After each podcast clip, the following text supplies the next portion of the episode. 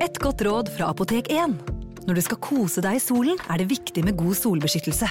Hodeplagg og skygge hjelper, men vi trenger også solkrem. Vi har ansiktssolkremer tilpasset ulike hudtyper. Har du f.eks. tørr, fet eller normal og kombinert hud, finner du solkremer spesielt tilpasset deg og ditt behov.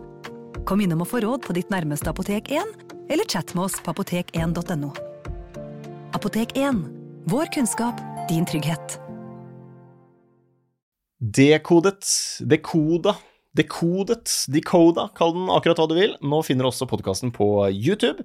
Eh, så hvis du vil eh, se på samtalene og ikke bare høre de, så er det bare å trykke seg inn der. Link til YouTube-siden finner du nederst i episodebeskrivelsen. Eh, eller så søker du bare opp Dekodet podkast på, på YouTube. Og så til episoden. Her er det Oppenheimer og Manhattan-prosjektet som skal under, under lupen. Og Manhattan-prosjektet det er altså navnet på det amerikanske atombombeprosjektet under andre verdenskrig som resulterte i verdens første kjernefysiske prøvesprengning 16.07.1945, eh, og bombingen av Hiroshima og Nagasaki kort tid eh, etterpå. Og Hvis du ikke har sett den nye Christopher Nolan Oppenheimer-filmen, så tenker jeg at det er perfekt å, å, høre denne episoden her først, så har du litt bakgrunnskunnskap. Jeg så filmen uten å ha noe som helst knagger å henge ting på. Jeg skal gjerne lese meg opp litt først, så, så det er et tips. Og hvis du har sett filmen, Eh, så tror jeg fortsatt at du finner denne episoden her eh, interessant. Ekspert i denne episoden det er Olav Njølstad. Olav er direktør ved Det norske Nobelinstitutt og sekretær for Det norske Nobelkomité fra 2015. Han er også historiker, har tatt den filosofiske doktorgrad, som det heter, og er tidligere forskningsdirektør ved Det norske Nobelinstitutt. Det er grunn til å frykte at tyskerne er på sporet av dette. Og vi kan bare ikke tillate oss at Tyskland utvikler en atombombe først, for da vinner vi krigen. Dekodet. Skal vi bare starte med Robert Oppenheimer. Hvem, hvem var han? Eh, Robert Oppenheimer var eh, sønn av et uh, tysk-jødisk par, Ella og Julius Oppenheimer. De, faren hadde kommet til Eh, USA, til New York, tror det var 1888, eh, og fikk da jobb i noen slektningers eh, klesforretning, og slo seg ganske raskt opp som en vellykket businessmann i New York, og ble velstående. Så Robert Oppenheimer, som da ble født i 1904, ble født inn i en velstående borgerlig familie i New York. Ja. Bodde i en stor tiromsleilighet med utsikt over Hudson River. Eh, og hadde en veldig beskyttet eh, og privilegert barndom. Ja, En streng oppvekst òg, kanskje? Eller? Jeg tror ikke det var så nødvendig så veldig streng, men han sier selv at han følte at det var slags, et slags alvor uh, ja. i hjemmet. Uh, og foreldrene var ikke veldig sosiale. De var ekstremt opptatt av å gi Robert og hans seks år yngre bror Frank eh, de aller beste forutsetninger til å skape seg en karriere. Riktig. Var han et begavet barn fra barnsben av? Ja, han var nok det vi kan kalle et vidunderbarn. Han, ja. Eh, han var veldig god i språk. Han uh, hadde en privatlærer i gresk som gjorde at han ti-elleve uh, år gammel leste Platon og de greske filosofene eh, på originalspråk. Eh, og han eh, skal ha sagt til og irritert en eldre kusine med å si at still meg et spørsmål om hva som helst, så skal jeg svare deg på gresk. Ja, Og da er han 10-11 år, 10 altså. år gammel. Og ganske interessert i poesi også, leser jeg. Det er også litt sært som tiåring, ja. er det ikke det? Så. Det er jo det. det er jo det. Og han drømte visstnok om å bli dikter selv. Ja. Men der han jo først og fremst viste enormt talent, det var innenfor naturvitenskapene. Så både i matematikk og etter hvert fysikk, kjemi, så gjorde han det jo helt eksepsjonelt bra. Da var han liksom innenfor 1 ja. uh, av de beste. Uh, han skrev sin første vitenskapelige artikkel som 13-åring uh, eh, om geologi. Han hadde fått noe sånn geologisk lekesett av foreldrene. Og på bakgrunn av det og noen reiser et eller annet sted i Midtvesten, så hadde han samlet geologisk materiale som gjorde at han kunne produsere en artikkel og bli invitert til å holde et foredrag i et geologisk selskap i New York, og de ble jo helt himmelfallende overrasket når de så at forfatteren var 13 år gammel. Det er sykt. Ja, så det er... Men var, det, var foreldra sånn at de pusha på det her også, eller var det, var det det som var interessen hans, liksom? Jeg tror at han var veldig selvdrevet. Mm. Um, men som sagt, det var ambisiøse foreldre på barnas vegne, men det er ikke sikkert at de trengte å pushe han så mye. Nei. Uh, og han var ikke så interessert i lekekamerater i, i oppveksten, så han var mye alene og drev Ja. med studier. Er det ikke det som kjennetegner de store geniene? At de var litt sånn uh, solitære, han nær sagt? Kanskje? Sikkert mange eksempler ja, på det. sant? Uh, men når er det det her går fra en interesse han har, til at det blir alvor, på en måte? da? Uh, sånn at det er dette jeg skal bruke livet på? Ja, det kan vi nok si er Etter at han hadde fullført eh, high school, Ja. så har han et hvileår. Han var blitt alvorlig syk, og så tok han et hvileår før han begynte på Harvard. Eh, Og det hvileåret er viktig av én grunn. Han dro på en tur sammen med en lærer fra sin high school til New Mexico og opplevde fjell, fjellene og ørkenene i New Mexico. Eh, og han falt pladask for det landskapet, ble virkelig forelsket i det, dro tilbake år etter år, kjøpte seg en tømmerhytte i 1929. Og så skal vi høre senere at dette får betydning for det arbeidet han gjør under andre verdenskrig. Mm. Uh, Men etter det, det hvileåret så begynte han på Harvard. Mm. Uh, Gjennomførte et, fireårig, et normalt fireårig studie i kjemi på tre år. Uh, Og da var han jo Hadde han på en måte tatt et veivalg, han skulle bli vitenskapsmann. Men han var ikke sikker på om han ville bli kjemiker, så han dro til Cambridge i, USA, i Storbritannia, eh, hvor du hadde noen av verdens ledende fysikere innenfor bl.a. atomfysikk. Mm. Eh, og håpet at han skulle kunne ta en ph.d. ved Cambridge, men sånn gikk det ikke. Eh, nei, sånn gikk det ikke. Hva, hva skjedde?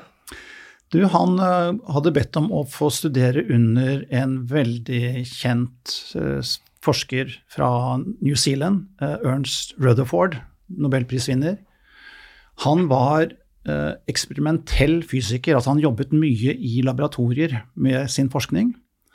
Og så viste det seg da at eh, Oppenheimer var helt uegnet til å jobbe i laboratoriet. Han var primært en teoretisk fysiker, men det hadde han ikke helt skjønt ennå.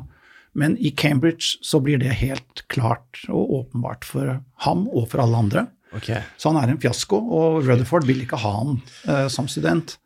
Eh, og så blir han isteden gående og litt under en annen uh, kjent uh, britisk fysiker, men det blir liksom ikke noe greie på det. Nei. Og så etter et års tid så Tilfeldigvis har Rutherford invitert en tysk fysiker, Max Born, som er en av de ledende eksperter på den nye kvantefysikken. Og det er altså en teoretisk nyvinning innenfor fysikken. Og eh, Oppenheimer går på hans forelesninger og blir grepet med en gang tenner på dette her. Det syns han er fantastisk spennende. Eh, og de to snakker sammen, og det oppstår god kjemi sånn nokså spontant. Eh, og Max Born sier 'kom til Göttingen i Tyskland, studer under meg'.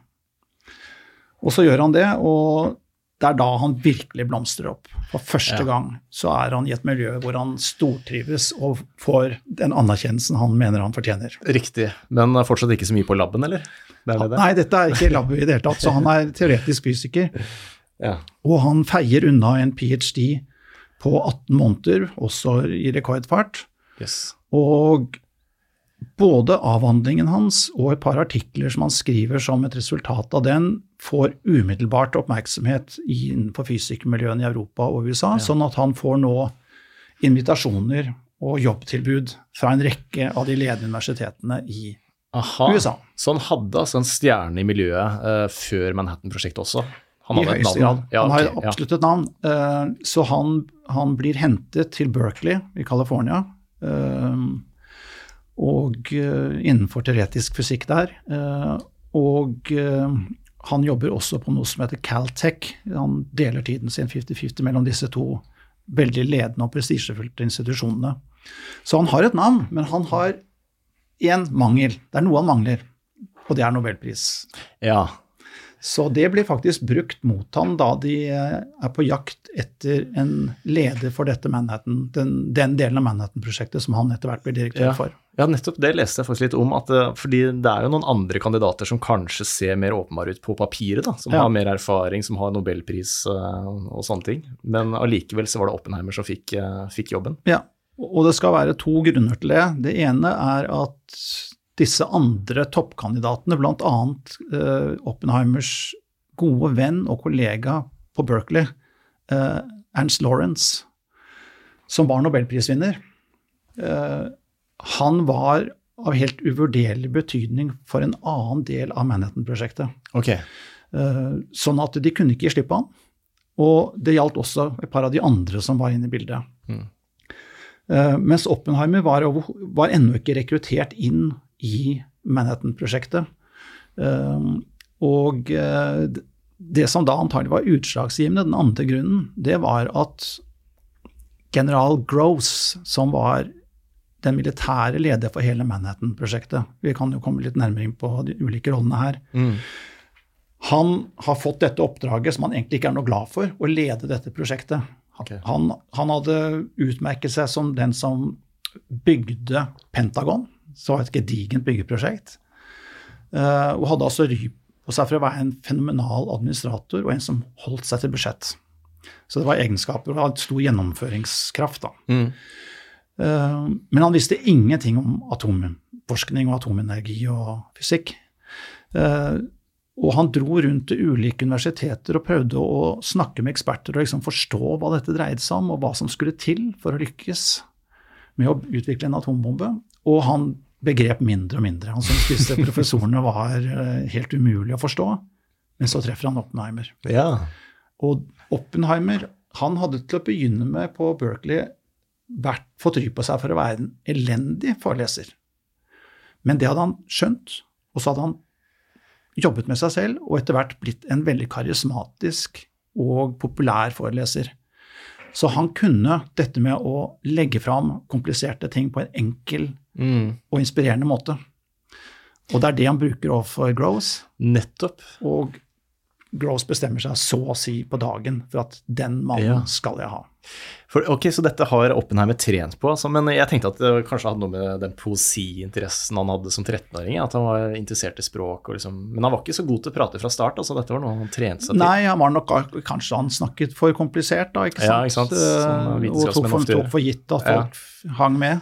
Ja, Så han hadde i hvert fall lært seg denne formidlingen eh, av komplisert stoff Ja. på en enkel måte. Så han klarte å forklare det på en måte som han, var det Gross Ja. eh, faktisk forsto, da, i motsetning til alle de andre. Han trodde i hvert fall han forsto det. Han trodde i hvert fall han forsto det. Så, så det var litt mot eh, mange odds at Oppenheimer fikk det. Det ene var dette med at han ikke hadde nobelpris.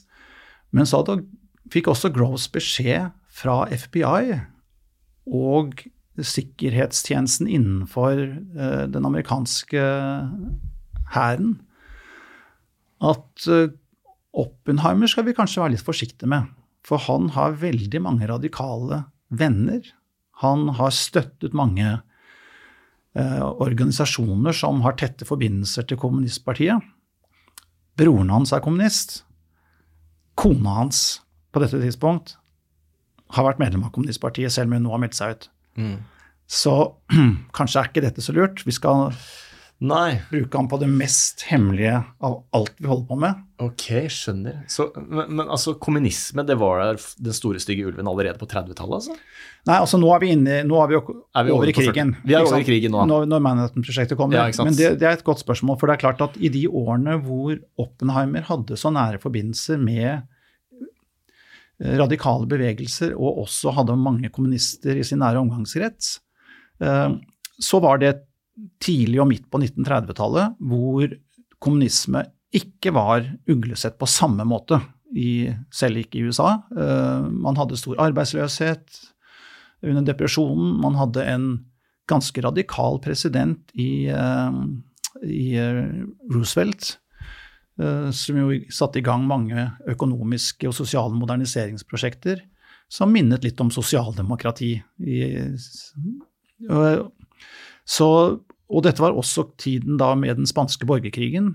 Eh, hvor det var naturlig for veldig mange amerikanere at man skulle støtte den republikanske siden mot fascismene.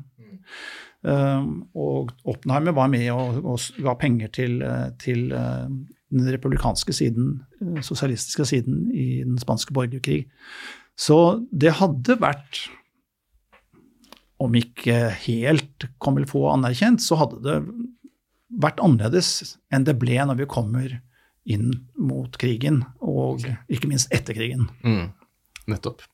Ok, Så det var litt skepsis altså i, eh, i miljøet, eller i, eh, i, teamet som ledet dette Manhattan-prosjektet, nettopp pga. det at han hadde forbindelser inn i ja, radikale miljøer? Det, det er jo ikke en skepsis som er så utbredt hos forskerne på den tidspunktet, for mange andre forskere hadde også ja, okay. radikale eh, nettverk og sånn, men, men, det er innenfor, særlig innenfor hæren, ja. den militære ledelsen og og sikkerhetsmyndigheten FBI.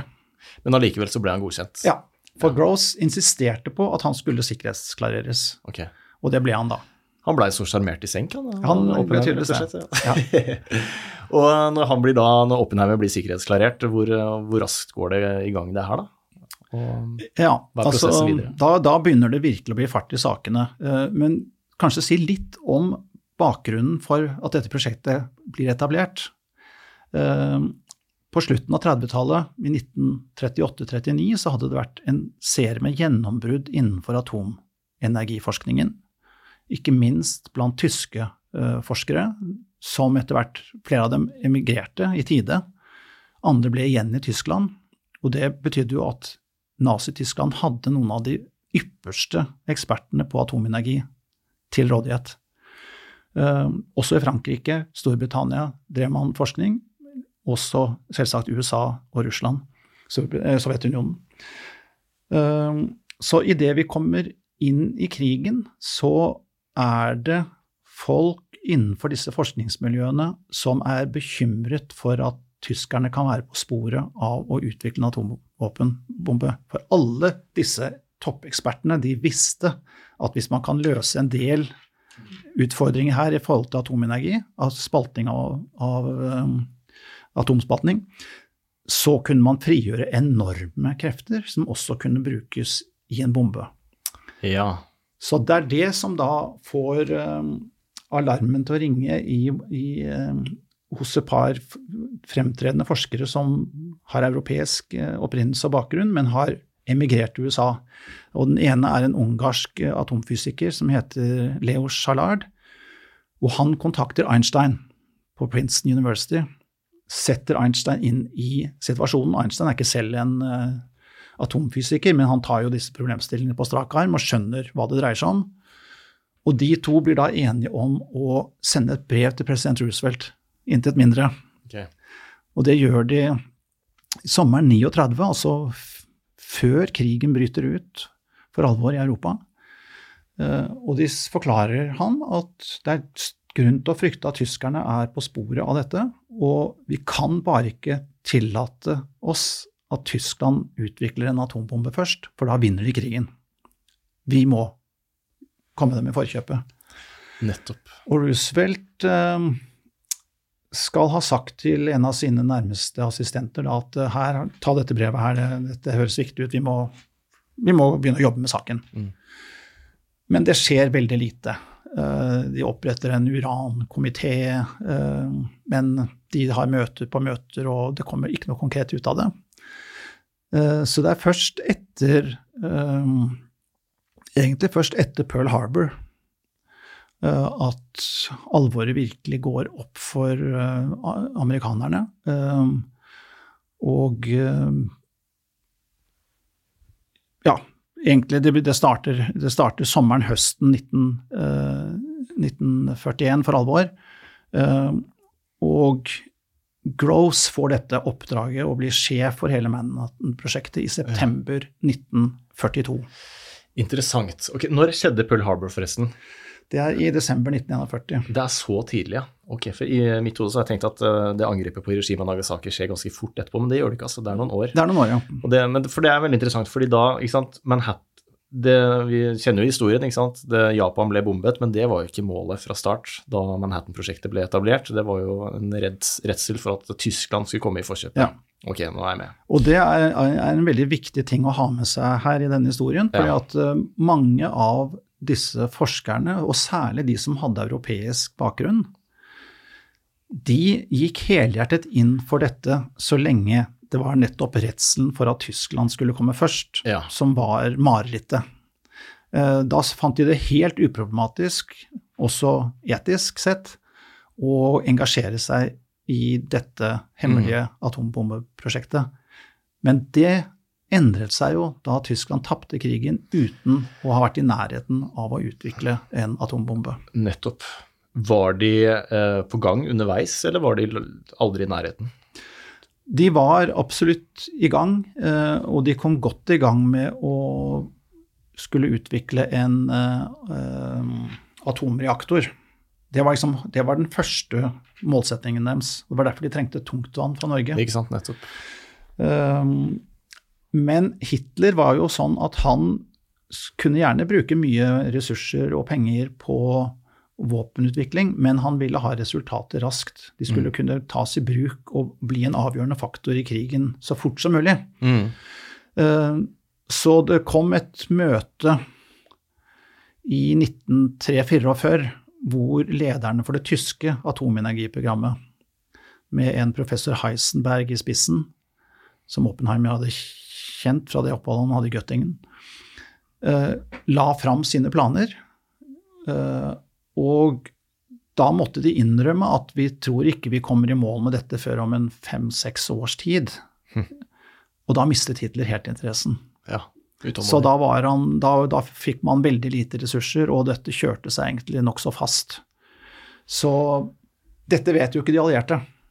Eh, De må bare legge til grunn at det jobbes like hardt nesten der som vi gjør. Mm. Eh, Så de tok aldri noen sjanser, og det, derfor så bombet man jo Vemork, Mm. Hydrofabrikken på Vemork, for å stanse tungtvannsproduksjonen, og sendte norske sabotører inn, som vi vet. Mm. Eh, Men etter krigen så forsto man jo da, da avhørte man Heisenberg og andre som hadde jobbet på dette prosjektet, og da ble det klart at De lå langt de lå ja. langt, langt bak. Interessant. Um, ok, la oss spole tilbake til 1942, da, når dette Manhattan-prosjektet faktisk eh, starter opp. Da er det Oppenheimer som blir eh, Han er da den vitenskapelige lederen, for det er jo noen ledere over han også, ikke sant? så han leder jo ikke hele Manhattan-prosjektet. Han, han får i oppdrag å lede det forskningsbaserte arbeidet med å utvikle selve bomben. Ja. Mens den aller største delen av Manhattan-prosjektet er et mer industrielt prosjekt. Okay. For det er veldig, veldig krevende, ressurskrevende, og eh, anrike uran, som dette mye dreier seg om, eller produsere plutonium. Eh, man kan produ plutonium finnes ikke i naturen, men man hadde skjønt at dette ville kunne bli et biprodukt hvis man behandler uran i en atomreaktor. Mm. Eh, Så man måtte da bygge store atomreaktorer som kunne eh, produsere plutonium. Så det var det ene spor man gikk, og som ender opp i den bomben som blir testet i juli 1945 og senere brukt i Nagasaki. Og det andre sporet er å bygge en bombe basert på anriket uran, høyanriket uran. Eh, Og det kan man gjøre på ulike måter, men det er to industrielle hovedspor. Det ene er basert på eh, elektromagnetisme, og det andre er basert på gassdiffusjon. Og det, jeg er ingen ekspert på dette, og vi skal ikke bruke tid på å forklare hva disse ulike metodene går ut på, men det var nybrottsarbeid, og det var industrielt eh, utviklingsarbeid i veldig stor skala. Ja. Veldig stor skala. Så big science, som ble et uttrykk etter andre verdenskrig, startet med Manhattan-prosjektet. Altså at, man, at eh, myndighetene pumper inn ressurser Mm. og massemobiliserer for å nå et vitenskapelig mål. Mm. Um, så de, Groves, noe av det første han gjør, det er å kjøpe opp store landområder i flere amerikanske delstater. Uh, de er litt bekymret for at alt dette arbeidet med atomenergi skal kunne føre til noen eksplosjoner og ulykker og radioaktiv spredning, og sånn, så de bestemmer seg for at disse anleggene må ligge langt fra store byer. Så man må utenfor byene. Og så er man avhengig av å ha rik tilgang på vann, både for å kunne produsere elektrisk kraft og for å kunne kjøle ned reaktorene. Så de to største anleggene blir eh, etablert i henholdsvis Mississippi. Det er et anlegg som het Oak Ridge, eh, hvor over 50 000 mennesker etter hvert skulle være ansatt. Og så er det et nesten like stort anlegg i Hanford i delstaten Washington på vestkysten. Oh, ja.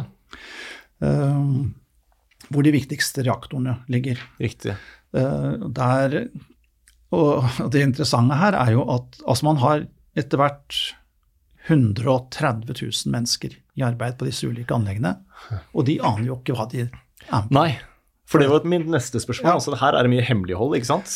Og hvor mange er det som egentlig vet hva det jobbes med? Hva som jobbes med? Nei, Det er bare de øverste lederne på disse store, store industrielle områdene. Og så er det eh, den militære toppledelsen på prosjektet. Og så er det alle de som eh, Oppenheimer etter hvert samler ja. i nettopp New Mexico hvor han har denne tømmerhytta si. Så 40 amerikanske, britiske miles fra, fra, hans hytte, så finner han en gammel ranch-skole som han tenker den er helt perfekt. Den ligger isolert. Nydelig utsikt uh, over the high desert i New Mexico. Uh, ikke plaget av, av folk, lokalbefolkning. Uh, her kan vi jobbe uforstyrret. Og så går man i gang med å anlegge en liten uh, secret town mm. der oppe. Uh, og det er jo i seg selv enormt krevende. Man skal skaffe vann, man skal skaffe, bygge hus. Uh, først så så man for seg at vi trenger kanskje 100-200 forskere her for å løse den oppgaven. Da krigen er slutt, så er det nesten 6000 mennesker i denne byen. Så de bygger opp et helt nytt lite samfunn. Ja. Og her er det jo ekstremt strengt vakthold, eh, fysisk og på annen måte. Man er først og fremst redd for at noen av de som jobber med de mest hemmelige tingene, skal stå i forbindelse med enten amerikanske kommunistpartiet eller med sovjetiske etterretningsfolk. Så man er veldig på vakt. Eh, og tror man har greid å holde eh, spionasje ut, ute. Men, men, det viser seg etter krigen ja. at det ikke er tilfellet. Nei, det er noen sovjetiske spioner som har klart å snike seg på innsida. Hvordan er det mulig? Uh, altså, den viktigste spionen, i særklasse viktigste spionen, var en tysk atomfysiker som het Klaus Fuchs, som hadde rømt eller emigrert fra Tyskland i mellomkrigstiden fordi han uh, antagelig var kommunist, da. Så han var uh, utsatt for nazistenes forfølgelser. Uh, og han gikk inn i forskningsarbeid i Storbritannia og, og, ble en helt akseptert kollega av de britiske atomforskerne. Ja. Ingen tenkte på at han kunne være noe sikkerhetsrisiko. Og så blir han da USA og Storbritannia slår sine prosjekter sammen. Eh, 1942-43 så blir han med på lasset av når britene sender sine toppeksperter over mm. Atlanteren. Og Klaus Fuchs satt veldig sentralt på, i, i, den delen av Manhattan-prosjektet som Oppenheimer ledet. Han uh, utviklet flere patenter, uh, så, så, han hadde en, på noen områder en kritisk viktig betydning. Han hadde også en jobb hvor han nettopp førte register over alle vitenskapelige og teknologiske ja. nyvinninger, altså patenter. Ikke sant. Genialt. I, ikke sant? Så han fikk Og, og han skal visstnok hatt ja. Ja, helt, helt Han satt virkelig godt i det. Uh, og skal visstnok hatt omtrent klisterhjerne, sånn at han ja. Leste gjennom disse tingene og husket det. Så han var i stand til å møte amerikanere som hadde forbindelse med sovjetiske etterretningsfolk, og overlevert både skriftmateriale og muntlig informasjon. Mm. Ble han straffet hardt etter krigen, eller rømte han landet, eller hva? Nei, altså Han dro jo tilbake til Storbritannia etter krigen. Fortsatte å jobbe med atomenergiforskning ja. innenfor det hemmelige britiske atomvåpenprogrammet. Men så ble han avslørt i 19, og arrestert i januar 1950. Okay. På et veldig viktig tidspunkt som vi skal komme tilbake til. Nettopp. Hvorfor er det viktig? Vi kan komme tilbake til det. Ja. ja. Uh, interessant. Hva med, de, hva med de, um, alle de arbeiderne som ikke aner hva de jobber med? Hva ble de fortalt at de jobba med? Altså Gikk de rundt og trodde at de bare var med på noe eksperimentelle greier? Nå. Jeg tør faktisk ikke si hva de ble fortalt. Det, uh, men uh, en eller annen tilforlatelig forklaring har de fått. og de jobbet med så begrensede deler av dette prosjektet. Sånn det, det ja. ofte kunne være helt manuelle ting, at man satt og slo på en switch og slo ja. av og fulgte med på noen måleapparater helt umulig å kunne Nei, skjønne hva som er det egentlige. Nei, for det virker så å, å, jobbe så lenge med noe uten å ha noe overordna mål om hvor du skal. Ja. Du bare får tildelt en oppgave, liksom gjør dette, og så er det greit. Men uh, det var kanskje men godt betalt. Det, det, er klart, det, det, i fredstid virker det helt forunderlig. Ja. Men dette var under andre verdenskrig. Det er det, vet du. Og ja. da mange, mange tusener, hundretusener av amerikanere engasjert i mm. krigsproduksjon, og de vet ikke nødvendigvis hva de holder på med. Godt poeng. Og aksepterer det. Mm. Ikke sant. Mm. Ok, Så dette Manhattan-prosjektet det er spredd litt utover. Det er ikke bare i Tennessee, men, eh, men Oppenheimer han har base der? Nei, han har base altså i New Mexico. I New Mexico, ja. ok. Er, ja, Nettopp som du sa, ja. ja. Den kunstige byen som ble tillagd. Ja. ja.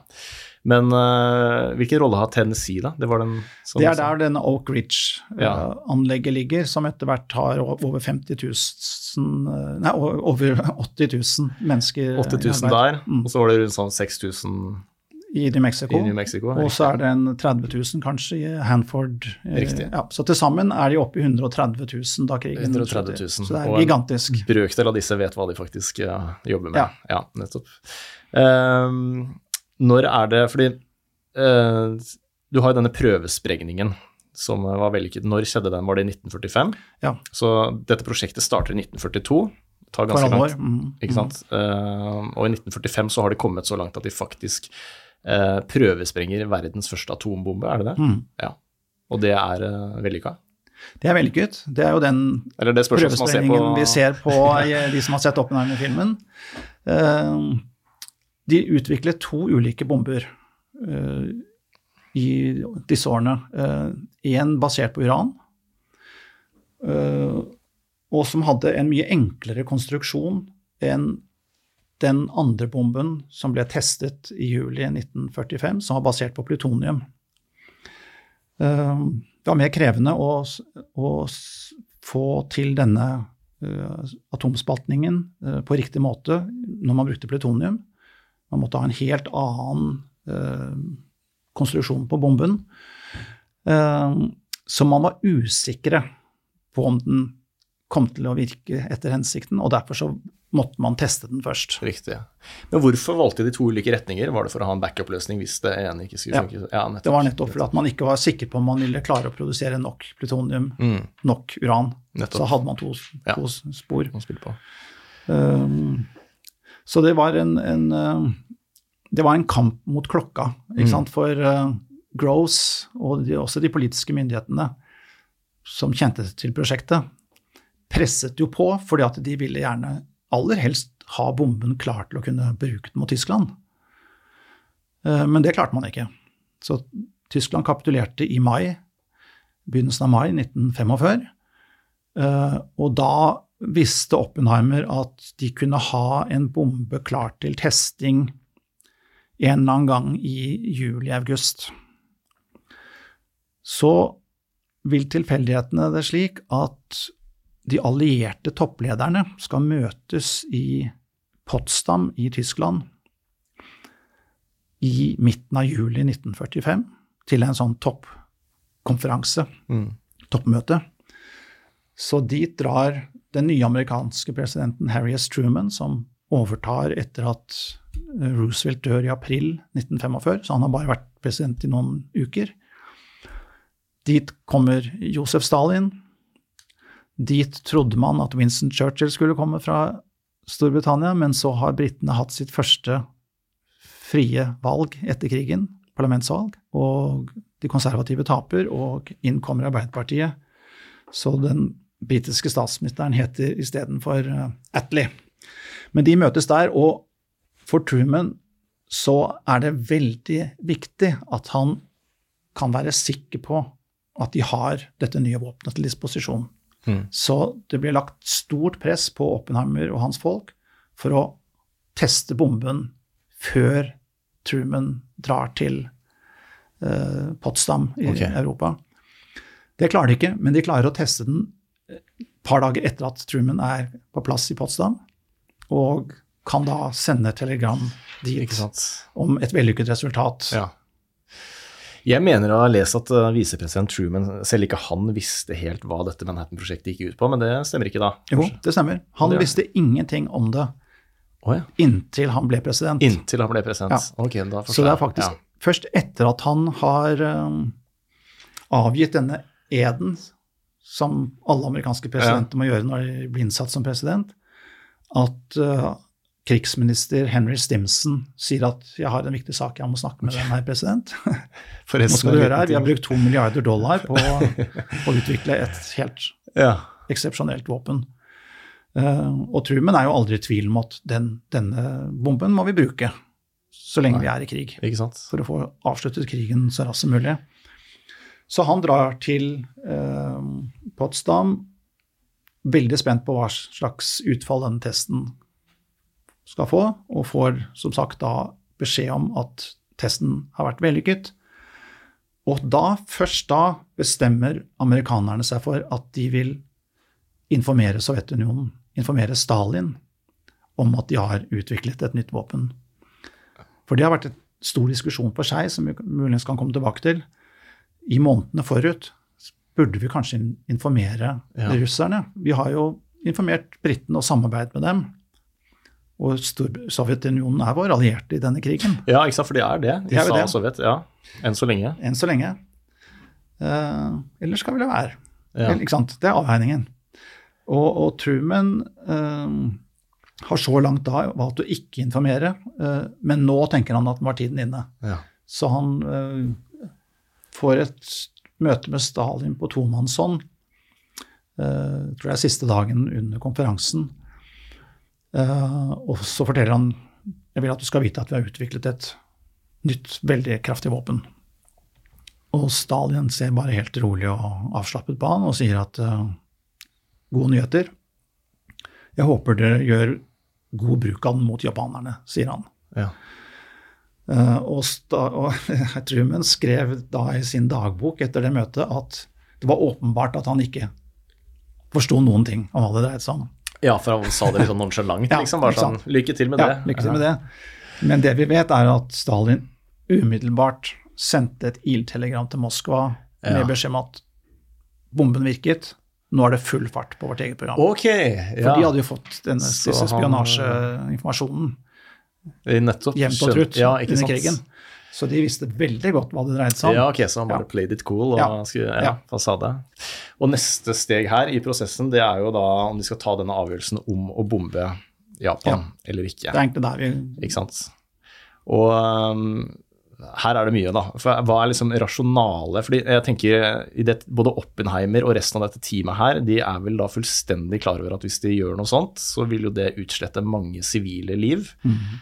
Eh, så må det være et eller annet regnestykke her da, som tenker at ok, eh, eh, vi gjør det allikevel, det er verdt det. hva er rasjonalet bak? Mm.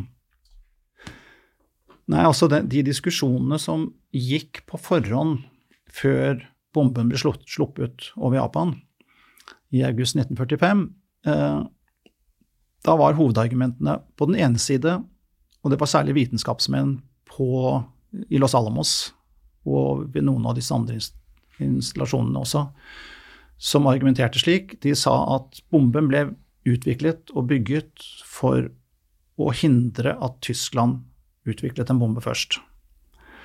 Eh, nå trenger vi ikke å bruke den. Japan kommer til å tape krigen uansett.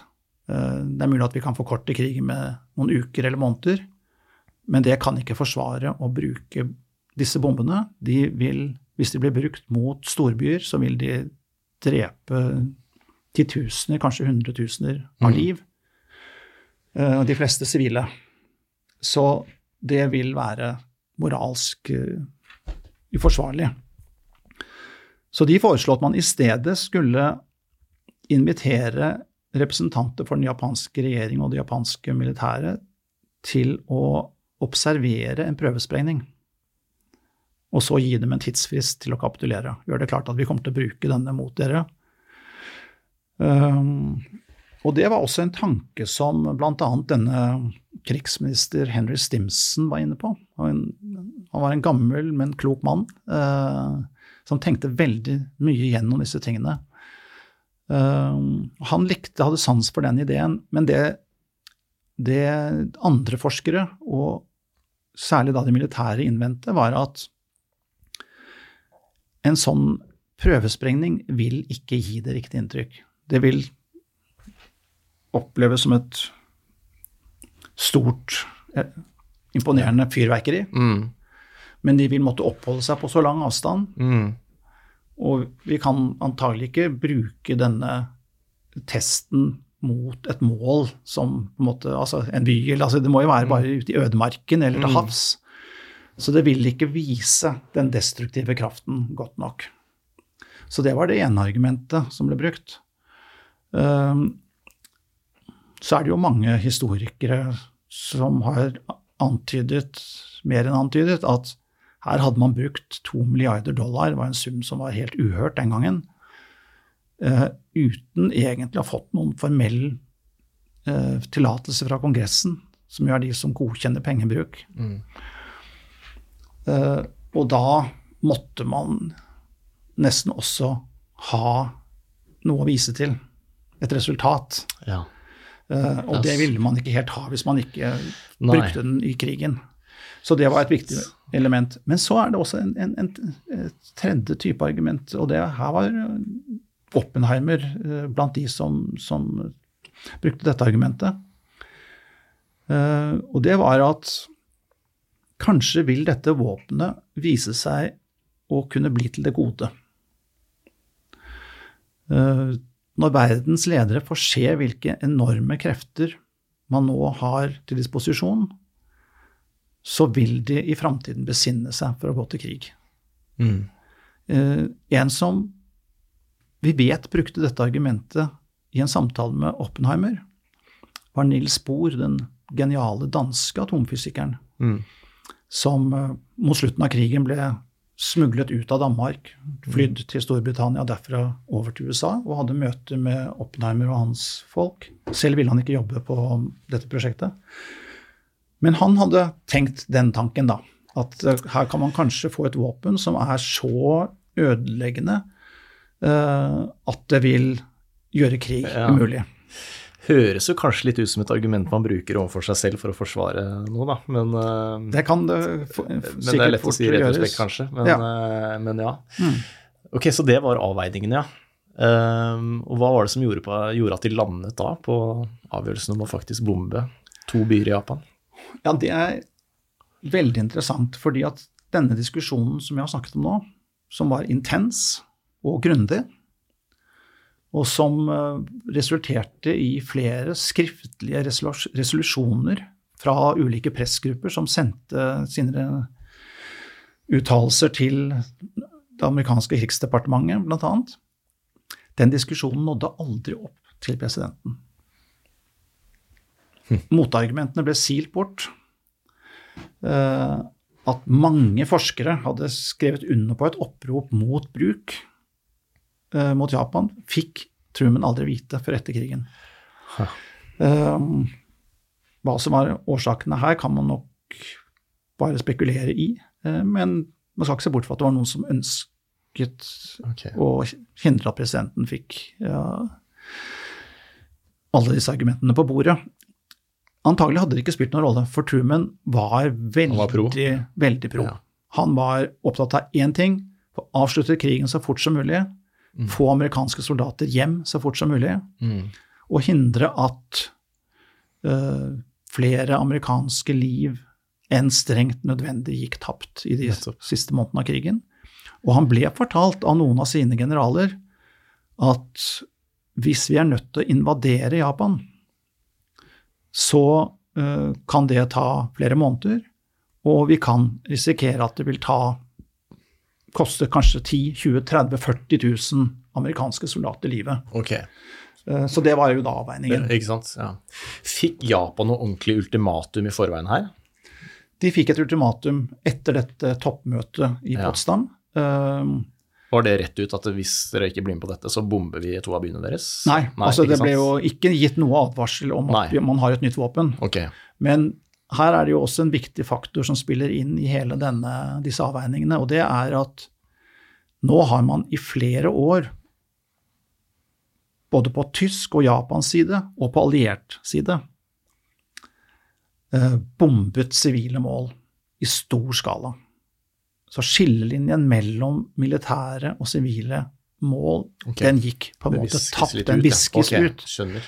Så eksempel hadde man jo denne brannbombingen av Dresden som drepte titusener av mennesker. Eh, sannsynligvis flere hundre tusen. Og man hadde tilsvarende enorme brannbombeangrep mot japanske byer, ikke minst Tokyo. Eh, så dette med å drepe sivile, det var eh, brutalt nok eh, noe som ikke. Hadde så stor vekt på, på vektskålen her. Det er krigens brutalitet. Mm. Ja, shit. Ok. Um, skal vi um, Skal vi ta selve bombingen av Hiroshima og Nagasaki i neste episode? Ja. Bra. Dekodet.